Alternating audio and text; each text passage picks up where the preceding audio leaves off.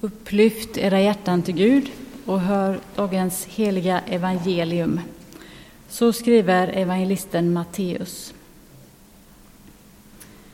Första dagen av det osyrade brödets högtid kom lärjungarna fram till Jesus och frågade Var vill du att vi ska ordna för påskmåltiden åt dig?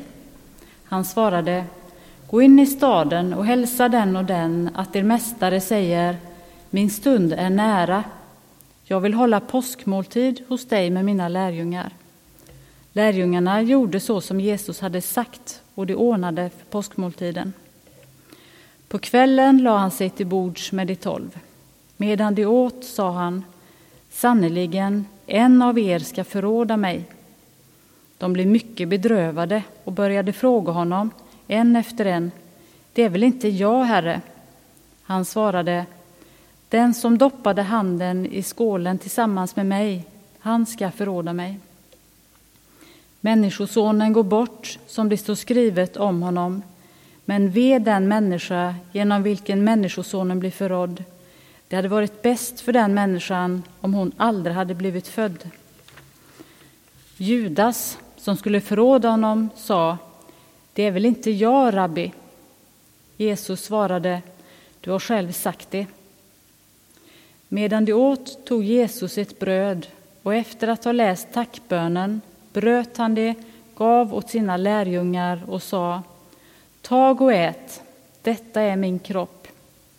Och han tog en bägare och efter att ha tackat Gud gav han den åt dem och sa Drick av den alla. Detta är mitt blod, förbundsblodet, som blir utgjutet för många till syndernas förlåtelse. Jag säger er, nu kommer jag inte att dricka av det som vinstocken ger förrän den dag då jag dricker det nya vinet mer i min faders rike. När de hade sjungit lovsången gick de ut till Olivberget. Så lyder det heliga evangeliet. Lovad vare du, Kristus.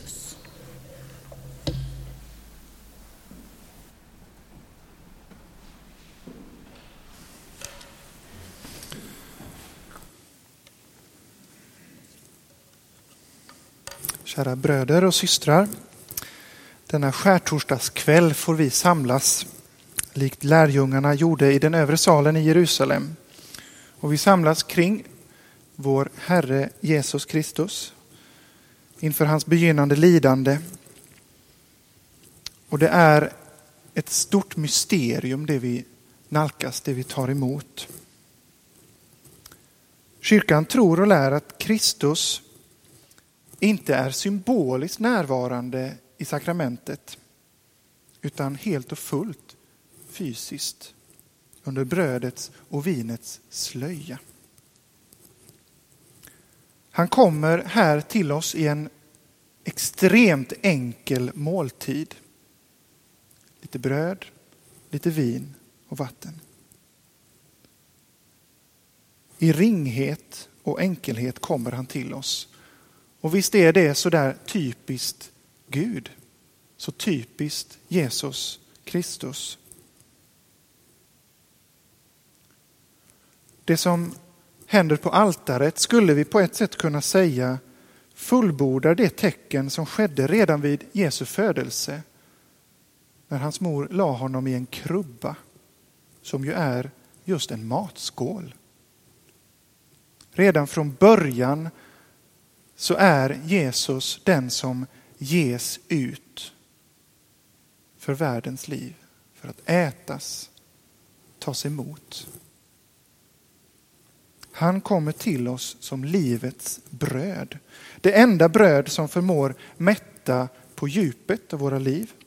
Ja, som ger evigt liv, förlåtelse, förening med Gud själv, himmelsk näring. Denna kväll bryter han brödet och säger Detta är min kropp.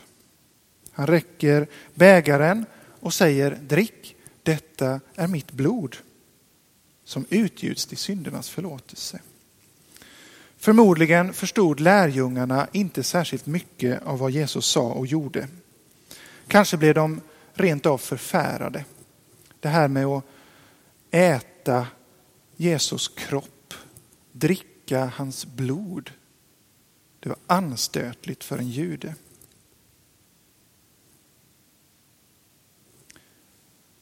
Påskmåltiden som de var vana att fira till åminnelse av uttåget ur Egypten. Det vänder Jesus på nu och ger en ny fördjupad mening när han knyter den här måltiden om Guds frälsning för sitt folk till sig själv. Hans kommande offer på korset för världens synd. Men allt detta var fördolt för apostlarna. För ännu så hade de inte korsets erfarenhet med sig. Korset och den heliga måltiden hör så intimt samman. Om jag inte kommit att älska Herrens kors så kan jag inte heller riktigt älska Herrens nattvard på ett rätt sätt. Från korset på långfredagen så strömmar försoningen, Guds manifesterade kärlek och nåd fram. Och Jesus har gett oss nattvarden som ett nådemedel. Det kan tyckas vara ett gammalt trökigt kyrkord, nådemedel. Men när man smakar på det är det ett väldigt vackert ord. Ett medel för Guds nåd att komma till oss helt och fullt. Att tas emot på ett personligt sätt. Jesus har inte bara dött på korset för 2000 år sedan ungefär, någonstans i historien, långt borta. Även om det i sig naturligtvis vore nog för oss.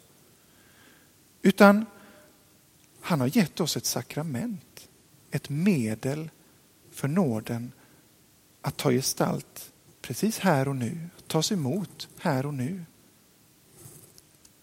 För dig utgiven, för dig utgjutet. Precis i början av den bibliska frälsningshistorien så läser vi om hur Eva och Adam i Edens lustgård räcker ut sina händer för att gripa frukten från det träd som Gud hade sagt att de inte fick äta av. Ätandet av den frukten drog hela mänskligheten in i ett främlingskap för Gud. In i fördärv, i död och synd. Denna påsk så firar vi hur Gud i sin stora nåd, kärlek, längtan efter människan själv stiger ner och ger oss av en annan frukt från ett annat träd, nämligen korsets träd. Och ätandet av den frukten som alltså räcks oss i nattvardens gåvor. Det ätandet återställer det som gick förlorat i Edens lustgård vid det ätandet. Här räcks människan förlåtelse, försoning, evigt liv, förening med Fadern. På ett sätt skulle vi kunna säga att hela vår kristna tro, hjärta och centrum av vår bekännelse av vårt liv finns på ett förtätat sätt i nattvardens gåvor. Vi måste inte förstå allting. Naturligtvis, det kan vi ju inte. Vi måste inte förstå, men vi måste öppna vår hand, öppna vår mun för det.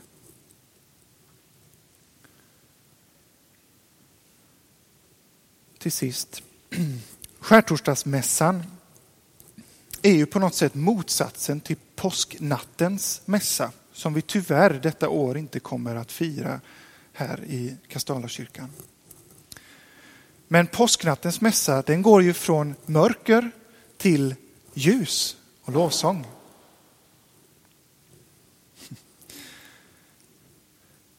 Men denna mässa, skärtorsdagens mässa, går på ett sätt från ljus till mörker. Efter mässans firande så kommer altaret att kläs av.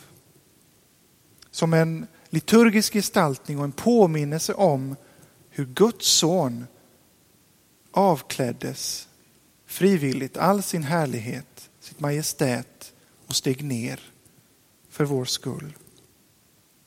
Samtidigt så läser vi den profetiska saltarsalmen, psalm 22. Den som Jesus själv reciterade på korset. Mässan avslutas sedan under tystnad och den som vill bjuds att dröja sig kvar en liten stund i bön, precis som apostlarna bjöds av Jesus att vaka med honom i ett semane. Där vet vi att de skulle komma till korta inför honom. Alla hans vänner skulle överge honom. Kanske kan vi i deras handlande, deras rädsla, svaghet känna igen något hos oss själva. Jesus visste ju allt detta på förhand. Han visste om deras svaghet, deras svek. Och ändå drar han sig inte för att vid måltiden tvätta vars och ens fötter, också Judas fötter. Ändå räcker han dem och oss sin kropp och sitt blod. För han vet att det är just för denna sak han har kommit. Vi ser i denna kväll, denna natt, hur Gud bevisar sin kärlek till oss genom att Kristus dog för oss medan vi ännu var syndare. Ära vare Fadern och Sonen och den helige Ande, så som det var av begynnelsen, nu är och skall vara, från evighet till evighet. Amen.